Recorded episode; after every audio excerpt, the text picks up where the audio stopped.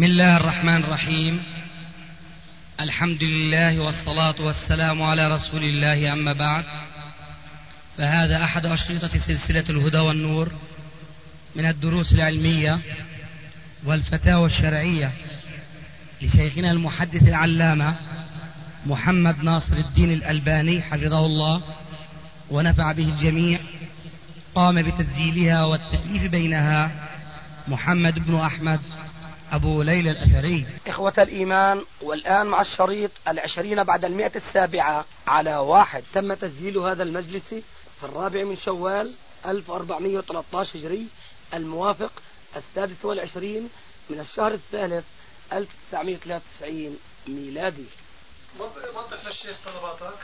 بعدين في يعني كثير من الشباب المسلم المستقيم يعني بتعبير الملتزم كما يقول الشيخ أبو بكر الجزائري المستقيم وهو الملتزم. يسأل عما ترون جزاكم الله خيرا في آه، الجهاد.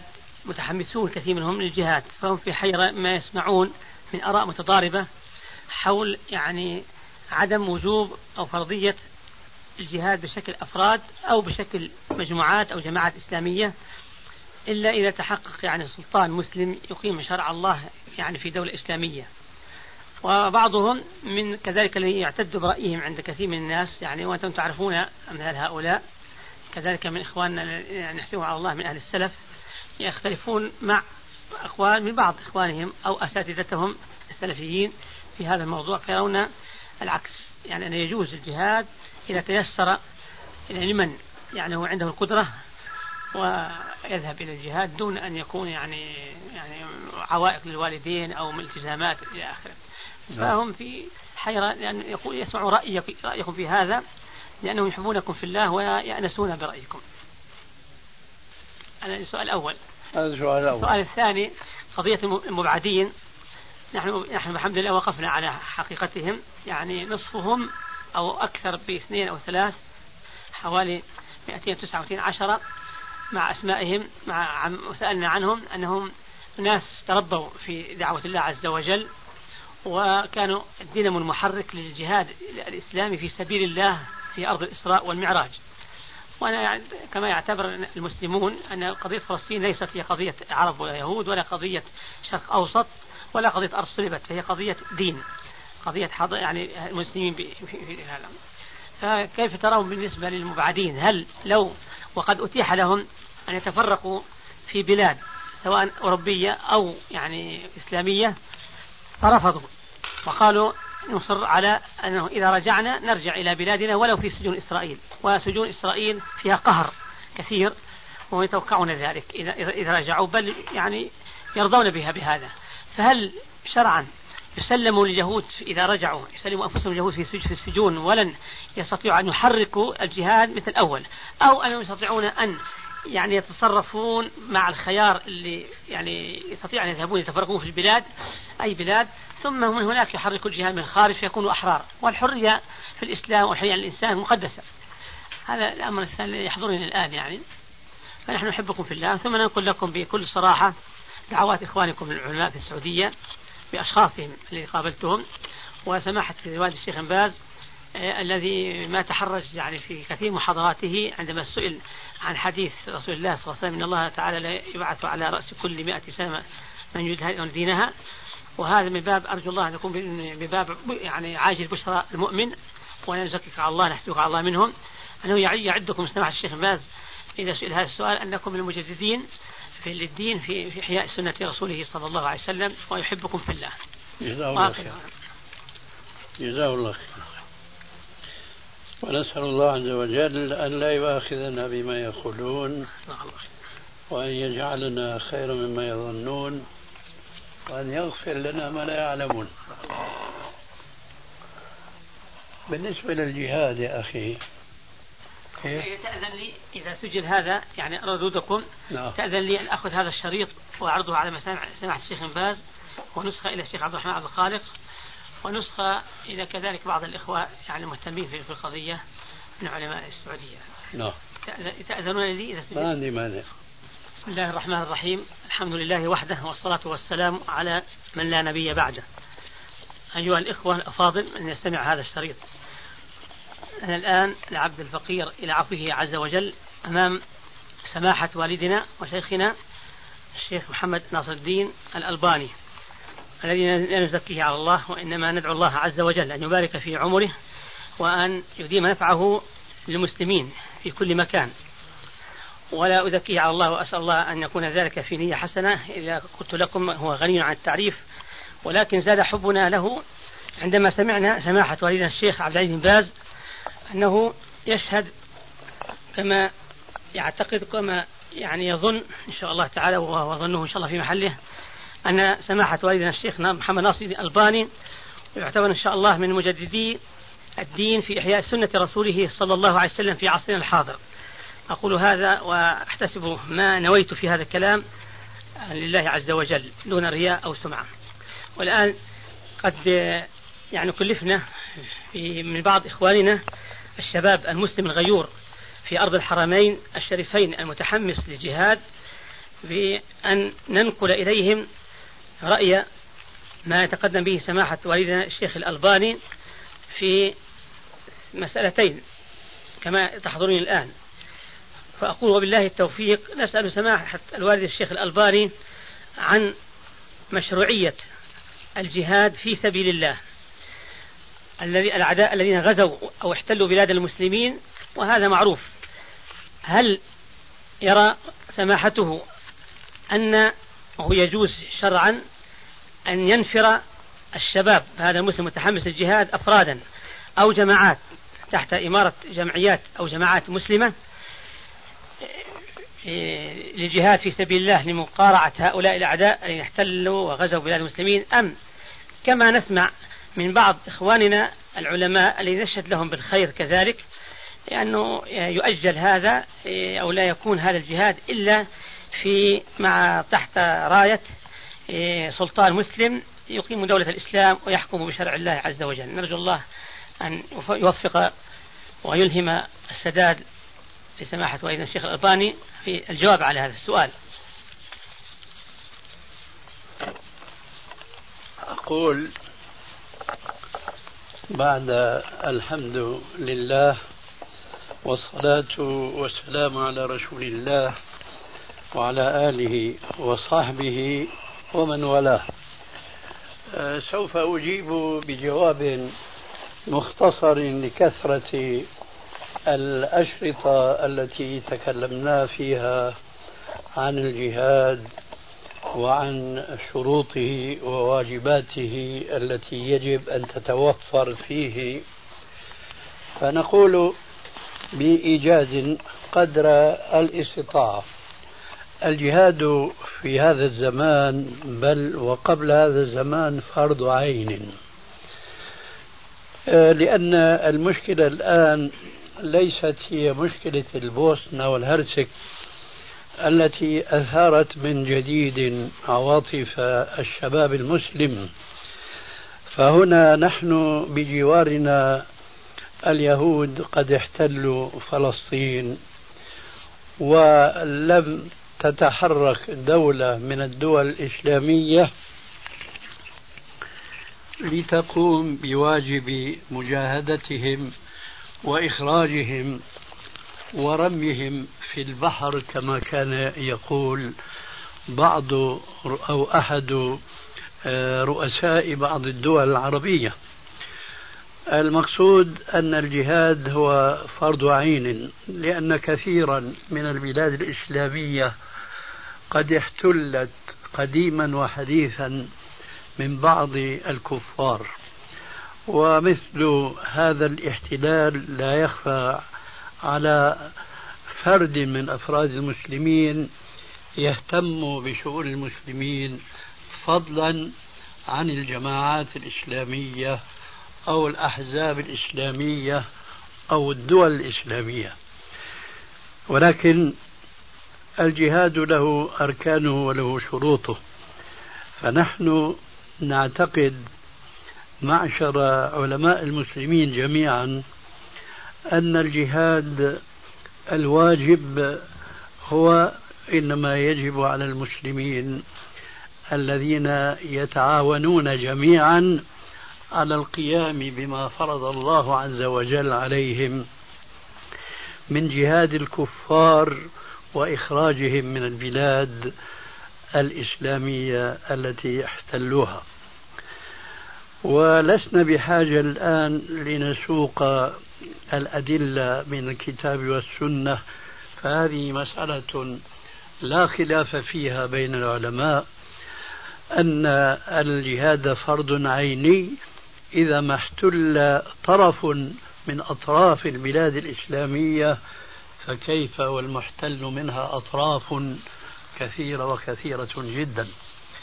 ولكن مع الأسف أريد أن أقول إن هذا الجهاد الذي هو فرض وفرض عين لا يستطيع الأفراد كما جاء في السؤال أن يقوموا به بل ولا بعض الجماعات الإسلامية أو الأحزاب الإسلامية لأن مثل هذا الجهاد وبخاصة في زمننا هذا الذي تعددت فيه وسائل القتال فلا تستطيع هذه الأحزاب أو هذه الجماعات فضلا عن الأفراد أن يقوموا بهذا الواجب العيني وإنما هذا الواجب إنما هو على الدول والدول الإسلامية والتي تملك من العتاد والقوة ووسائل الحرب الحديثة ما لو أنها اجتمعت وأخلصت لهذا الجهاد لقامت بهذا الواجب العيني ولكن مع الأسف الشديد هذه الدول آه، لا تحرك ساكنا لتقوم بواجب هذا الجهاد وقد آه، تكل أمر هذا الجهاد إلى بعض الجماعات والأحزاب وهي لا تستطيع أن تفعل شيئا. لإيقاف اعتداء الكافر المعتدي على بعض البلاد الإسلامية. والواقع يشهد أن أي جماعة مسلمة تقوم إما بمقاتلة المعتدي كما وقع في الأفغان مثلا أو بالخروج على الحاكم الذي آه، ظهر كفره كما وقع في الجزائر مثلا فهذا الواقع المؤسف يدل على أن الجهاد الفردي أو الحزبي لا يثمر الثمرة المرجوة من فرضية الجهاد والثمرة هذه هي أن تكون كلمة الله هي العليا. آه، فاذا نحن نعتقد أن الجهاد لا يمكن إلا أن يكون تحت راية إسلامية أولا وتحت جماعة مسلمة آه، متكتلة من مختلف البلاد الإسلامية وليس من بلد واحد أو إقليم واحد. يضاف إلى ذلك أنه لا بد من تقوى الله عز وجل في الابتعاد عما نهى الله عز وجل عنه من الأمور المعروفة لدى المسلمين كافة علما ولكنها آه، بعيدة عن تطبيقها مع الأسف عمليا. وقد ذكرنا وأختصر أيضا كلام ما استطعت أكثر من مرة أن ما حل في المسلمين اليوم من هذا الذل والهوان الذي لا يعرفه التاريخ الإسلامي مطلقا إنما سببه أن المسلمين أخلوا بتطبيق آية واحدة على الأقل ألا وهي قوله تبارك وتعالى إن تنصروا الله ينصركم ومما لا شك فيه أن نصر المسلمين لله عز وجل إنما يراد به نصر أحكام شريعته وجعلها حقيقة واقعة. وهذا مع الأسف الشديد ليس متحققا في الحكومات ولا في الأفراد. فالحكومات أكثرها لا تحكم بما أنزل الله. ومن كان منها لا يزال فيها بقية من حكم بما أنزل الله فليس فيها حتى الآن من أعلن الجهاد في سبيل الله عز وجل. ولذلك فالافراد والشعوب هي ضائعة ما دام أن أية حكومة إسلامية لم ترفع راية الجهاد في سبيل الله المستلزم لمقاتلة الذين يلونهم من الكفار وليس الذين هم بعيدون عنهم كل البعد.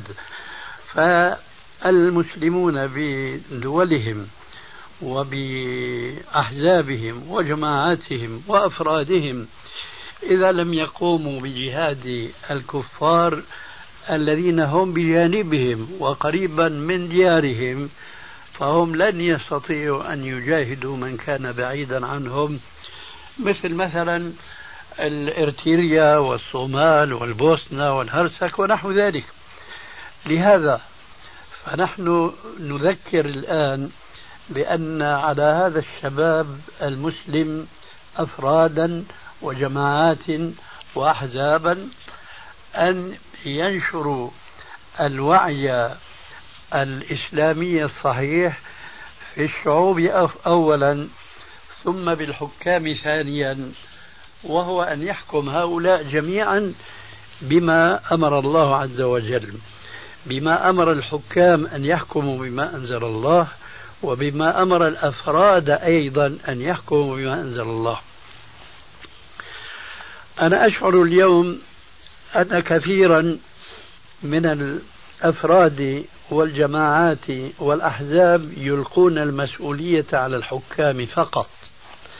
بينما في اعتقادي جازما أن المسؤولية تقع على هؤلاء الأفراد والجماعات والأحزاب كما تقع على الحكومات. ذلك لأن هذه الحكومات ما نبعت إلا من أرض هؤلاء المسلمين. هؤلاء المسلمون هم الذين خاطمهم الرسول عليه الصلاة والسلام بحديثين اثنين.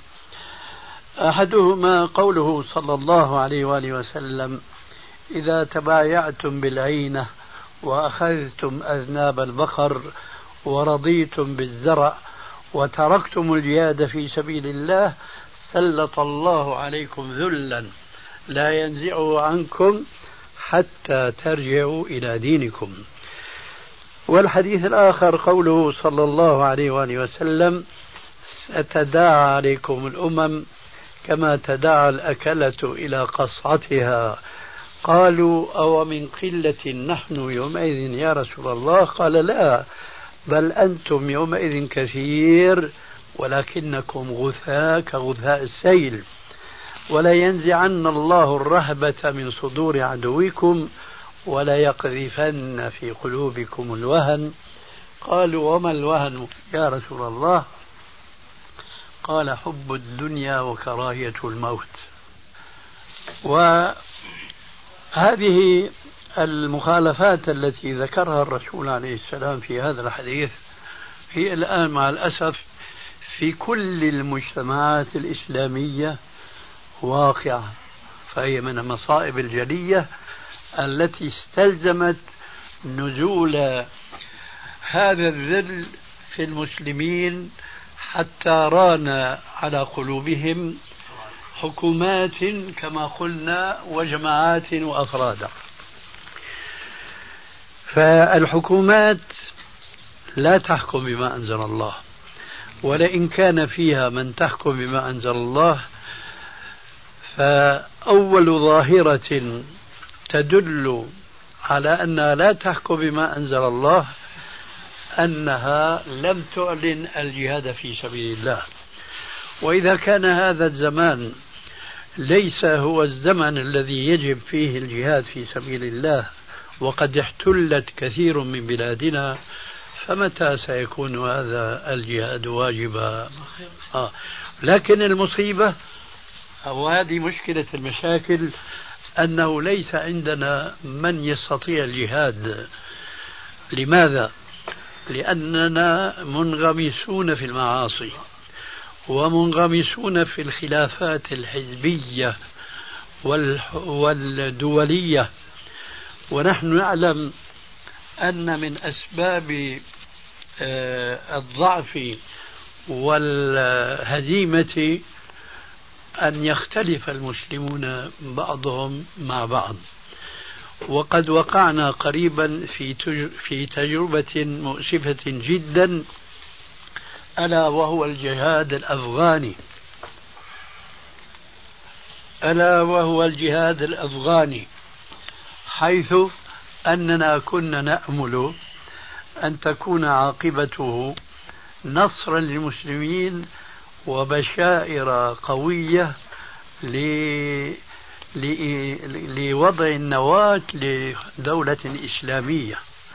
وإذا العاقبة والنتيجة تنعكس بسبب أن البشائر الأولى التي ظهرت من الانتصار على العدو اللدود ألا وهم الشيوعيون قد اضمحلت هذه البشائر حينما بدأت الفرقة بين الأحزاب التي لم يمنعهم إسلامهم الذي يدينون به ألا يتفرقوا إلى سبعة أحزاب.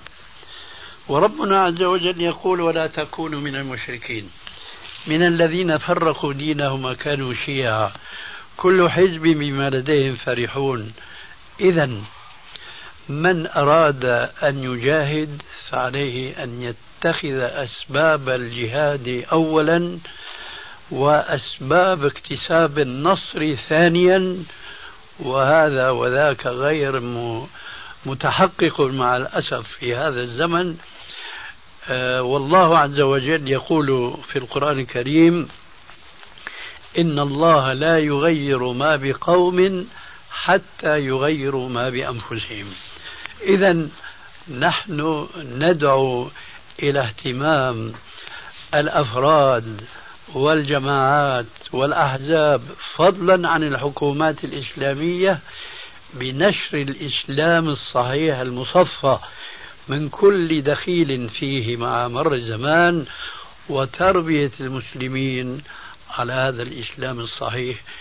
يوم تبدأ هذه البشائر تتجلى في هذه الساحة الإسلامية الواسعة يومئذ تبدأ بشائر الاستعداد للقيام بالفرض العيني من الجهاد.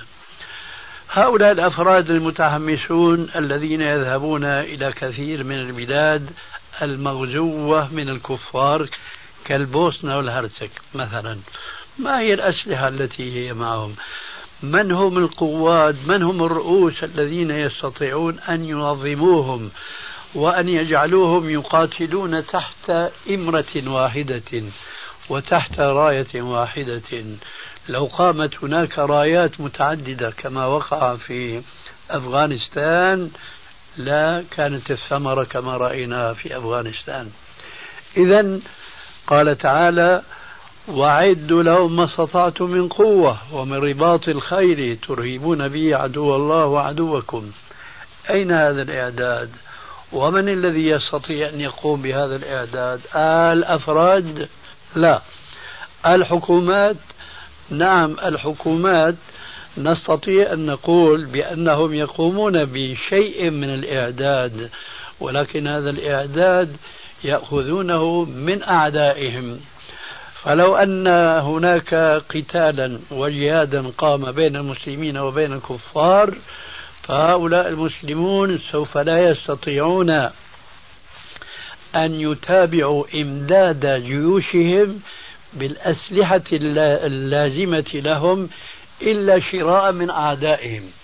وهل يقوم نصر وجهاد بشراء الأسلحة من أعداء المسلمين هذا أمر مستحيل. لذلك هذا الإعداد المأمور به في هذه الآية لم يقم به حتى الدول الإسلامية لأن شراء الدول الإسلامية للأسلحة المدمرة قد اشترتها من أعدائهم ومن خصومهم. وقد يكون هناك بعض الدسائس التي قد تفسد عليهم أسلحتهم إذا ما أرادوا استعمالها ضد عدوهم الكافر. لهذا قلت وأنهي كلامي وجوابي عن هذا السؤال. إن الله عز وجل حينما قال وأعدوا لهم ما استطعتم إلى آخر الآية هذا الخطاب كما لا يخفى على كل مسلم. إنما كان ابتداء خطابا موجها لأصحاب النبي صلى الله عليه وآله وسلم ثم هو خطاب موجه لعامة المسلمين بالتالي بعموم النص. ولكن هذا الخطاب وجه إلى الصحابة بعد, بعد أن ربوا تربية إسلامية صحيحة حتى تمكنوا من أن يقوموا بتنفيذ مثل هذا الخطاب ألا وهو الإعداد القوة المادية بعد أن قاموا بإعداد القوة المعنوية بنفوسهم أو في نفوسهم بسبب تربية نبيهم صلى الله عليه وسلم إياهم. والتاريخ يعيد نفسه. فلا بد من تربية شعب من الشعوب الإسلامية ليتمكن هذا الشعب المسلم من القيام بإعداد العدة المادية. ونحن اليوم لا نجد شعبا قد قام بهذا الواجب الذي نعبر نحن عنه بكلمتين التصفية والتربية.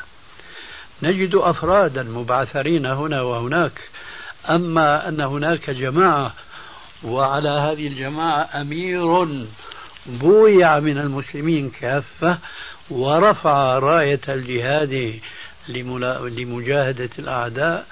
هذا لم يحصل بعد ولذلك فنحن ندعو إلى إيجاد هذه المقدمة للجهاد المقدس. أما الانطلاق وراء عواطف لم يتحقق في أهلها ربما الجهاد المعنوي وهو فهم الإسلام فهما صحيحا وتطبيقه تطبيقا جماعيا وأن يكون عليهم بعد ذلك أمير وهو الذي يأمرهم بأن يعدوا ما استطاعوا من سلاح ومن قوة. فيوم يوجد مثل هذا يومئذ يفرح المؤمنون بنصر الله والله ينصر من يشاء. هذا ما عندي جواب هذا السؤال. شيخنا إيش الفرق الآن بين النبي صلى الله عليه وسلم لما طلب من صفوان السلاح وبين شراء الآن السلاح من الكفار؟ ما هو الفرق شيخنا؟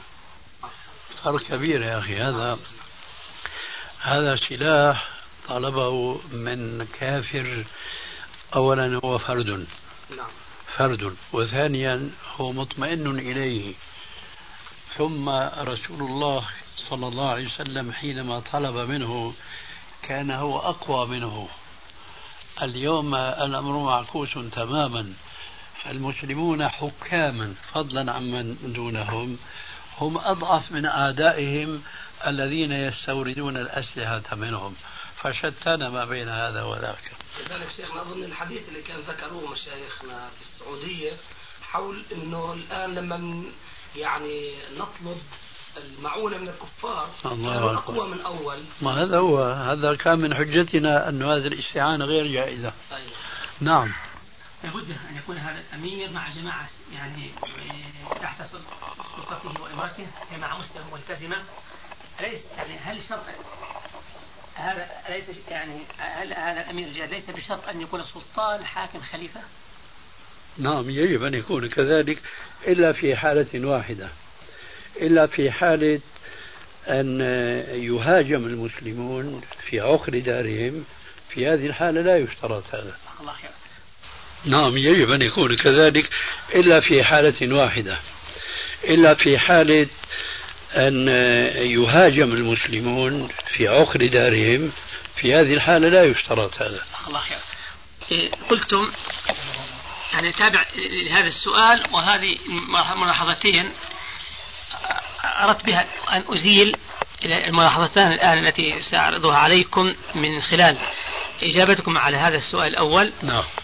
هي أعرفها تماما أنها في أذهان هذا الشباب المسلم الذي يرغب يعني أن أنقل له هذا الأمر يتساءل أن أنكم قلتم أن أكثر الدول أو أكثر البلاد لا تحكم بما أنزل الله. فيفهم إذا أن بعضها أن بعضها يحكم بما أنزل الله نعم. وهذا البعض إن وجد فقلتم أن من نواقصهم أنهم لم يعلنوا الجهاد تمام. أفلا ينطبق قول الله أفلا ينطبق قول الله عز وجل على أمثال هؤلاء الذين يعطلون الجهاد وهم بإمكانهم بما لهم من مقومات و يعني أسلحة وجيوش ألا ينطبق قول الله تعالى عليهم وفي قوله تعالى أتؤمنون ببعض الكتاب وتكفرون ببعض؟ فما جزاء من يفعل ذلك منكم إلا خزي في الحياة. الدنيا ويوم القيامة يردون إلى أشد العذاب لو كانوا يعلمون. أقول هذه الآية لا تنطبق أخي لأن لو كانت هذه الآية تنطبق لو كانت هذه الآية تنطبق على هؤلاء الحكام آه، لانطبقت على الأفراد أيضا الذين يعيشون تحت سلطة هؤلاء الحكام ممن لا يقيمون بعض أحكام الإسلام. فأنا ذكرت انفا الحديث الذي يقول فيه عليه السلام إذا تبايعتم العين وأخذتم أذناب البقر إلى آخر الحديث والحديث الثاني حب الدنيا وكراهية الموت. فلو انطبقت الآية المذكورة على بعض الحكام فلا فرق حينئذ بين هؤلاء الحكام وبين أفراد من جماهير المسلمين لا يطبقون كثيرا من أحكام الإسلام. وهنا آه، يأتي بحث وموضوع طالما طرحناه في آه، محاضراتنا وفي كثير من تسجيلاتنا ألا وهو التفريق بين الكفر العملي والكفر الاعتقادي. وهذا أمر ضروري جدا. ومن لم يفرق بين كفر وكفر آه، يخشى عليه أن يقع في الكفر من حيث لا يدري أو من حيث يدري. من أجل ذلك صح عن عبد الله ابن عباس رضي الله تعالى عنه وهو ترجمان القرآن بحق أنه فسر قوله تعالى ومن لم يحكم بما أنزل الله فأولئك هم الكافرون قال ليس كما يظنون إنما هو كفر دون كفر فمن لم يحكم بما أنزل الله هنا بيت القصيد من الجواب عن سؤالك عن الآية المذكورة هل تنطبق على هؤلاء الذين عطلوا الجهاد؟ فجوابي قد تنطبق على بعضهم ولا تنطبق على بعضهم. كيف ذلك؟ بدليل أثر ابن عباس المذكور كفر دون كفر. فمن أنكر شرعية الجهاد من أنكر شرعية الجهاد عقيدة فهذا هو الكافر وهذا هو الذي ينطبق عليه الآية وغيرها. أما من اعترف بفرضية الجهاد سواء كان حاكما أو كان محكوما ولكنه لا يجاهد اتباعا لهواه اتباعا لتكالبه للدنيا ونحو ذلك فهذا يكون كفره كفرا عمليا وليس كفرا اعتقاديا. لا فرق بين الذي يترك الجهاد وبين الذي يترك كسب الحلال وإنما يكسب الحرام بطريق الربا أو بيع الخمر أو ما شابه ذلك. فكل هذه معاصي بلا شك يصدق في متعاطيها ما يصدق على كل حاكم بغير ما أنزل الله. إما أن يكون استحل هذه الأمور قلبا وقالبا أو استحلها قلبا قالبا لا قلبا. أي استحلها عمليا وليس اعتقاديا. فمن ارتكب محرما في الإسلام وهو يعتقد أنه محرم هذا كفره دون كفر. ومن استحل محرما وهو يعتقد أنه لا شيء في هذا الاستحلال ككثير من الشباب اليوم. مثلا الذين ربوا تربية أوروبية خالصة إذا قيل لهم لماذا لا تصلون؟ بيقول لك يا أخي الصلاة والطهارة الغسل من الجنابة والوضوء إلى آخره. هذه كانت في زمن الجاهلية القذرين الوسخين أما اليوم ما عاد في حاجة لمثل هذه الصلاة هذا هو الكفر الاعتقادي. أما كما هو شأن كثير من الشباب المسلم مع الأسف يقال له لماذا لا تصلي؟ يقول الله يتوب علينا. الله يتوب علينا. إذا هو معترف بالفرضية لكن غير قائم بما فرض الله. كذلك أي حاكم في الدنيا. إذا قيل له لماذا لا تجاهد في سبيل الله؟ إذا قال الآن ما في جهاد الآن حرية فمن شاء فليؤمن ومن شاء فليكفر وإلى آخره من هذه التأويلات التي ما أنزل الله بها من سلطان. فهذا المنكر للجهاد كشرع هذا هو الكافر.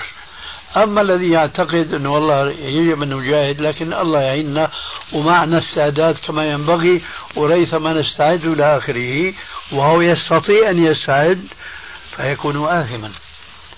لكن إذا كان لا يستطيع ككثير ممن نتكلم الآن من أفراد المسلمين لا يستطيعون أن يجاهدوا. في المثل العامي عين ما بتقاوم مخرج عين ما بتقاوم مخرج وهذه حقيقة. ولذلك فالجهاد خلاصة الكلام فرض عين وأشد ما يكون فرضية هو في هذا الزمان. لأن الأمم تداعت كما جاء في الحديث السابق تداعيا لم يرى مثله في التاريخ الإسلامي مطلقا. الله خير. نعم. بارك الله فيك. وفيك. وأنا وعدت أنا أرى أن وقتكم يعني إن شاء الله في في زحمة حتى يعني أتقيد بما وعدت.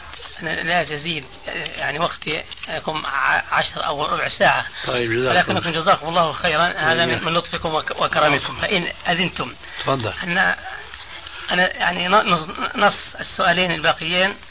لا يحتمل إن شاء الله كل نصين خمس دقائق. نعم. وهذا ترك أما, أما الإجابة ووقتها فهذا متروك لكم ونحن يعني طوع, طوع أمركم. أن تختصروا أو أن تطيلوا فما نريد منكم إلا أن تقولوا ما ينشرح به صدركم يعني لإخوانكم. فإذا أذنتم هذه بس فرعية. الحقيقة بالنسبة للجهاد الأفغاني هذه فرعية ثانية تابعة لمضمون السؤال الأول نعم. يقول كثير من الشباب المسلم لقد حصل خلاف في خير القرون وهو قرن الصحابة في مسائل نعم. ما بين أمثال معاوية وعائشة و... نعم. وعلي فهذا الخلاف الأفغاني كيف إذا نصرهم الله عز وجل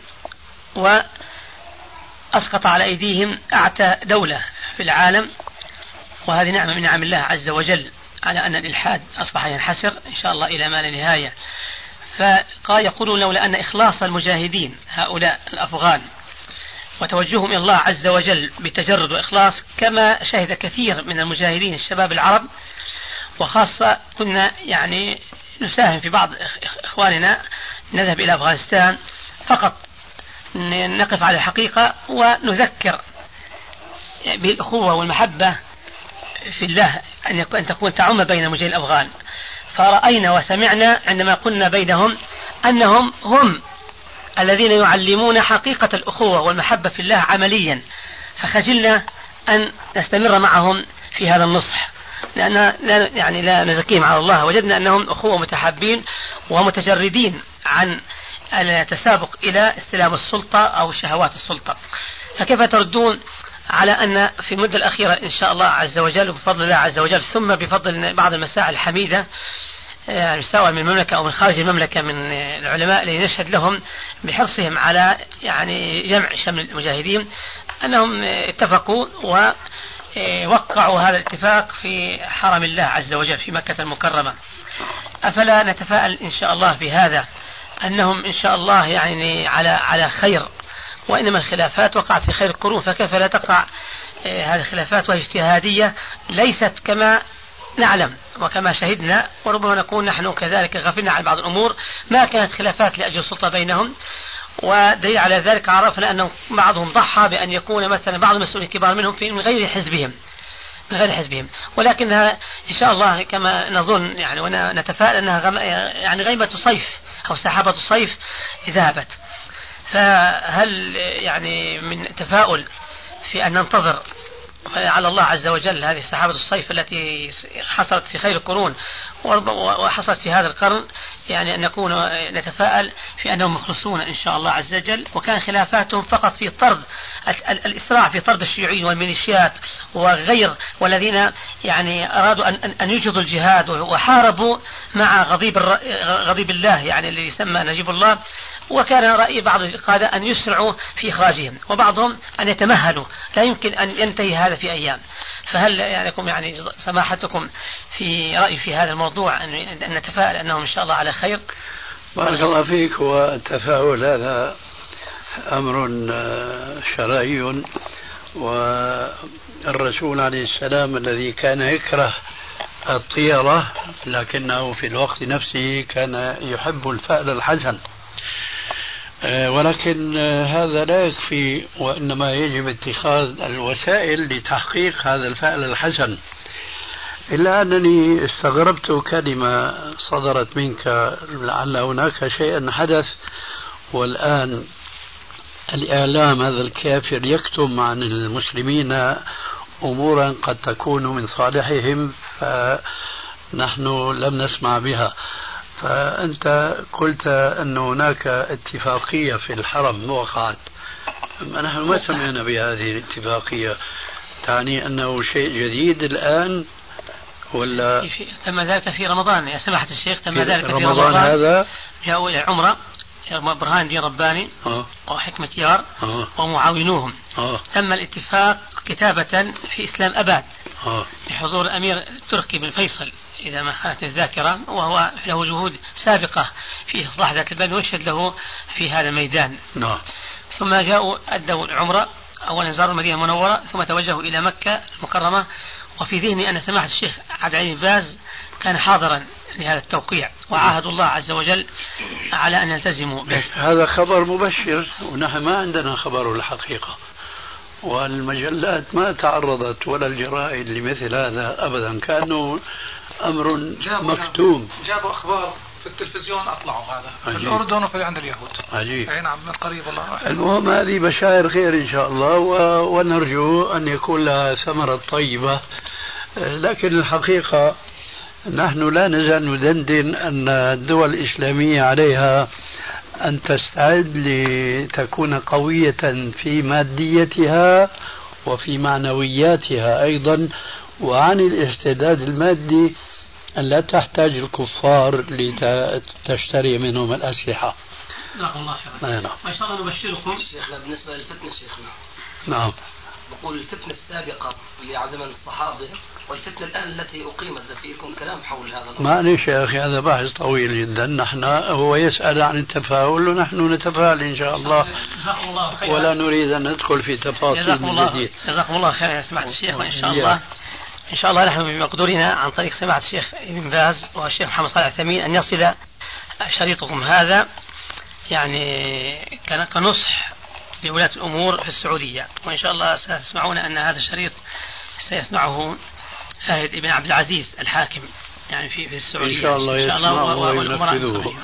وهذا شيء مؤكد إن شاء الله تعالى إلا أن الله إلا أن يحال بيننا وبين ذلك بقدر من الله عز وجل. لا إله إلا الله. أما السؤال الثاني وبعده السؤال الثالث وأنهي الحديث. والإجابة مختصرة أو أو طويلة راجعة إليكم. إن شاء الله. بالنسبة لقضية آه، يعني نحن نعتبره كوكبة الجهاد أو الدينامو المحرك إذا صح التعبير عن الجهاد الإسلامي في أرض الإسراء والمعراج والقبلتين وثالث المسجدين. ونبشركم بأن الشيخ سمع الشيخ عبد العزيز بن باز وقد قدم له يعني قبل شهر تقرير ناولته بيدي إليه وأشرطة كذلك عن خطب بعض المجاهدين المبعدين فاهتم به ونشر في بعض الصحف السعودية. يجب أن يستنفر المسلمون لمساعدة هؤلاء بكل ما يستطيعون لأن القضية هي قضية يعني قضية حق باطل في ضد يعني حق يقاوم أشد الناس عداوة الذين آمنوا. ليس أعداء فلسطين وإنما أعداء المسلمين في كل مكان كما تعلمون. فهؤلاء المبعدون إيه، يعني نحن كما ندين الله عز وجل بعد التثبت من الذين يزاروهم وإن شاء الله نحن في الطريق إليهم يعني يسر الله ذلك حتى نبشركم فيما بعد ما نطمئنكم على ما نقوله الآن. أكثر من نصفهم هم يعني خيرة خيرة الدعاء في أرض الإسراء. يعني إذا قرناهم حتى بعلماء السعودية العاملين الناصحين أمثال الشيخ باز وأمثالكم أمثال هؤلاء هم كذلك أمثالكم أكثر من نصفهم أمثالكم ولذلك إسرائيل أخرجتهم ونحن نبشركم أن هذه ورطة إسرائيل معروف أنها لا يهمها التورط ولكن حقيقة أنها إن صح التعبير ببركة يعني جهاد وإخلاص هؤلاء كما نعهدهم انهم ورطوا في إسرائيل ورطة نسأل الله تعالى أن لا يخرجوا منها إلا وهم اذلاء. فهم الآن خيروا ولا يزالوا يخيرون أن يعني يسيحوا في أو يتفرقوا في الخيار ويطلق يعني هم لا مطلقين الصلاح في خيارهم أن يذهبوا إلى أي بلاد. وقد عرض عليهم من بعض البلاد حتى الغربية قبل العربية إذا أرادوا أن يستقروا فيها. ولكنهم مصرون على أن يبقوا هناك إلى ما يشاء الله إلى أن تسمح سلطات إسرائيل برجوعهم. وهم مستعدون إذا رجعوا إلى إسرائيل. لو كان مصيرهم أن يلقى بهم في السجون ونعرف قهر الإسرائيليين آه، لهؤلاء من أمثال هؤلاء في السجون فيفضلون ذلك. فكيف يرى سماحتكم الحرية مقدسة؟ ويمكن أن إذا كانوا أحرار واختاروا أن يتفرقوا في البلاد العربية وهم في خيار من ذلك وهم أحرار في هذا وميسر لهم السبل. فهل تجدون أن شرعا أو خدمة للإسلام والمسلمين هل يستطيعون أن ينطلقوا أحرارا يتفرقون في البلاد العربية أو الغربية ثم من هناك يوجهون الجهاد بأي الطرق إلى إخوانهم وجنودهم في أرض الإسراء؟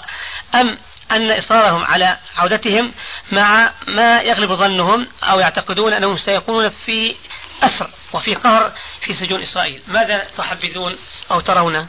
أنا أنصح هؤلاء الإخوان أولا أن يجعل آه، إخراج اليهود لهم من بلادهم نوعا من الجهاد في سبيل الله عز وجل.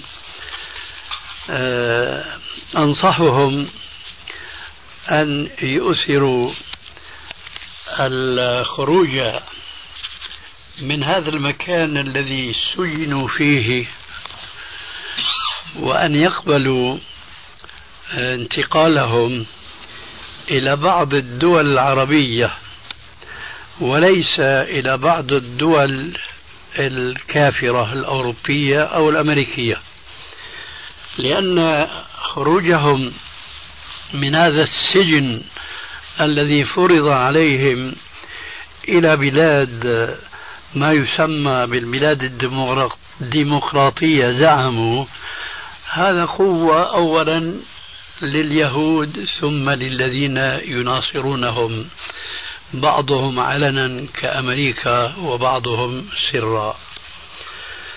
فأرى إن كان هناك فعلا سعي للسماح لهم بأن يخرجوا من هذه الأرض التي فرضت الإقامة عليهم جبرا فيها إلى بعض البلاد العربية بشرط أن تسمح لهم هذه البلاد العربية بأن يتعاطوا كل الوسائل الممكنة لتحقيق الجهاد الذي نحن ندندن حوله. هذا مستحيل يا شيخ فإذا هذا مستحيل يا شيخ أن تسمح لهم البلاد العربية لأن البلاد العربية كما تعرفون هي عائق كبير. أنا عارف يا شيخ فإذا فأقول ماذا يستفيد إخواننا هؤلاء الذين أخرجوا من ديارهم أن يعاد بهم إلى سجن اليهود؟ ما الذي يستفيدونه؟ فأنا أقول كما جاء في تضعيف آه، سؤالك آه، ما مثل الحرية شيء فعليهم أن يهتبلوها فرصة إذا عرض عليهم أن ينتقلوا من هذا السجن الصحراوي الذي فرضه اليهود عليهم إلى بعض البلاد الإسلامية. وبشرط أقول أنا بشرط من باب بيان أن الدول الإسلامية اليوم ليست مع الشعوب الإسلامية التي تريد أن تجاهد في سبيل الله. هذه الشعوب إذا لم يكن وراءها قوة حاكمة بيدها السلطة وبيدها القوة المادية والتنظيمية هذه الشعوب ما تستطيع أن تفعل شيئا لو كانت كلمتها موحدة. فكيف وهي متفرقة وأحزاب وإلى آخره؟ فأنا أقول بهذا الشرط وأنا أدري أن الدول اليوم لا تقبل هذا الشرط لأنها لو كانت تريده لكانت قامت به ولكانت آوت إليهم هؤلاء رغم أنف اليهود ومن يقف وراء اليهود. لكني أقول لبيان حقيقة الواقع المؤلم اليوم أنه لا حكومة هناك تجاهد في سبيل الله. لذلك نحن ننصح الأفراد ألا يورطوا أنفسهم وأن يظنوا أنهم يستطيعون أن يجاهدوا بأفرادهم أو ببعض جماعاتهم وهم لم يقوموا بواجب. ولو أرادوا الخروج لأعدوا له عدة. ولكن كره الله بعثهم إيه، فأقول أنه إذا كان هذا الشرط غير مقبول كما يشعر مع الأسف كل واحد منا فإذا دار الأمر بين ثلاثة أمور. إما أن يعودوا إلى سجن اليهود وإما أن ينتقلوا إلى بلاد الكفر وإما إلى بعض البلاد الإسلامية فهذا هو واجبهم هو الأخير. لا يقبلون العودة إلى سجن اليهود ولا يقبلون الانتقال إلى بلاد الكفر ولو أنهم قد يجدون هناك الراحة والسعة والرفاهية وهذا من مكر أعداء المسلمين أنهم يتقبلون هؤلاء المطرودين من بلادهم ليظهروا للناس أن حكمهم ديمقراطي عادل. رفضت البلاد العربية نعم. فإن رفضت فإذا أرادوا أن يختاروا أن يتفرقوا في البلاد الإسلامية ورفضت مطالبهم كل الدول الإسلامية والعربية وهذا ما تمليه أمريكا الآن كما نعلم. فهل يبقوا إلى الأبد في هذا لا لا ما, ما يبقون أم, أم يرجعون إلى إسرائيل؟ لا يرجعون إلى, إلى اليهود. اليهود؟ لا يرجعون إلى اليهود البتة لأنه ليس لهم حركة يفيدون بها الأمة أو الشعب المسلم الفلسطيني على الأقل هذا صحيح جزاك الله نعم. إذا الجواب الثالث عمي إذا ما است... إذا ما قبلتهم ولا دولة عربية يختارون يختارون البلاد أي بلاد بل أي أي بلد غربي آه، يمكنهم أن يعملوا فيه بحرية أكثر من أي بلد آخر. أحسن جزاك الله خيرا.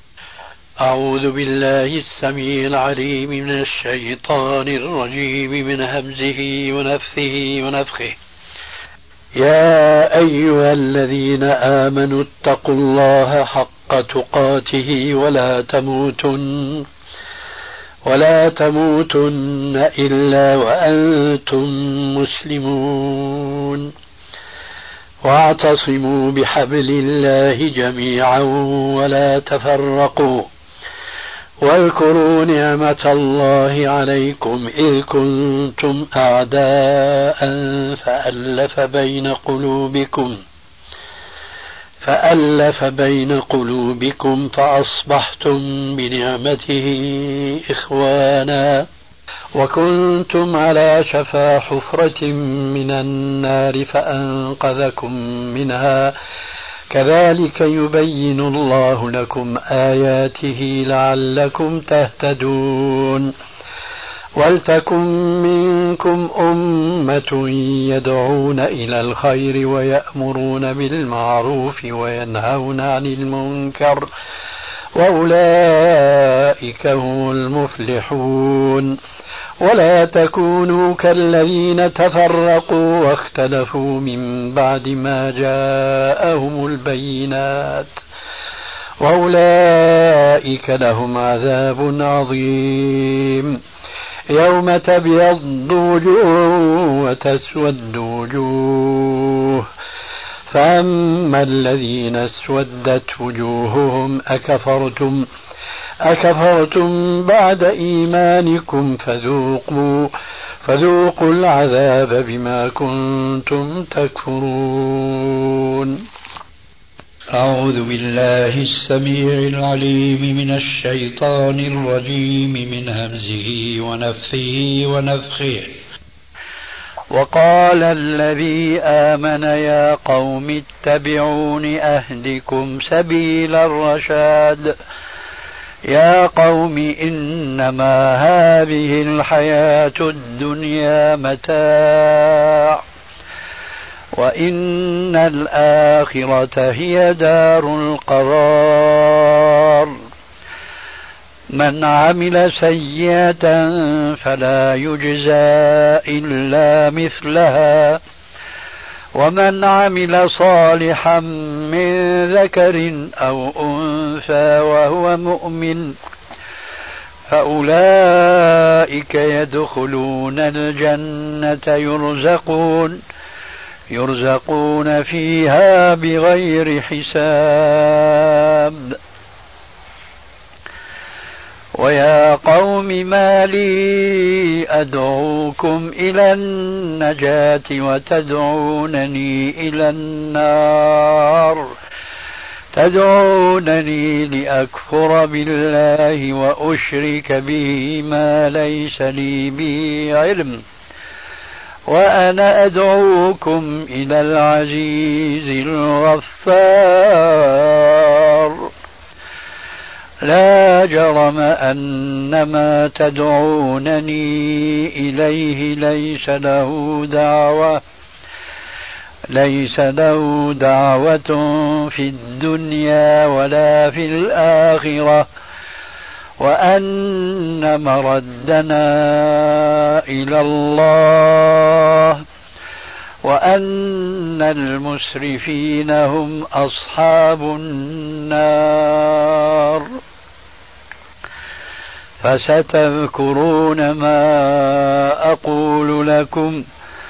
وأفوض أمري إلى الله. إن الله بصير بالعباد.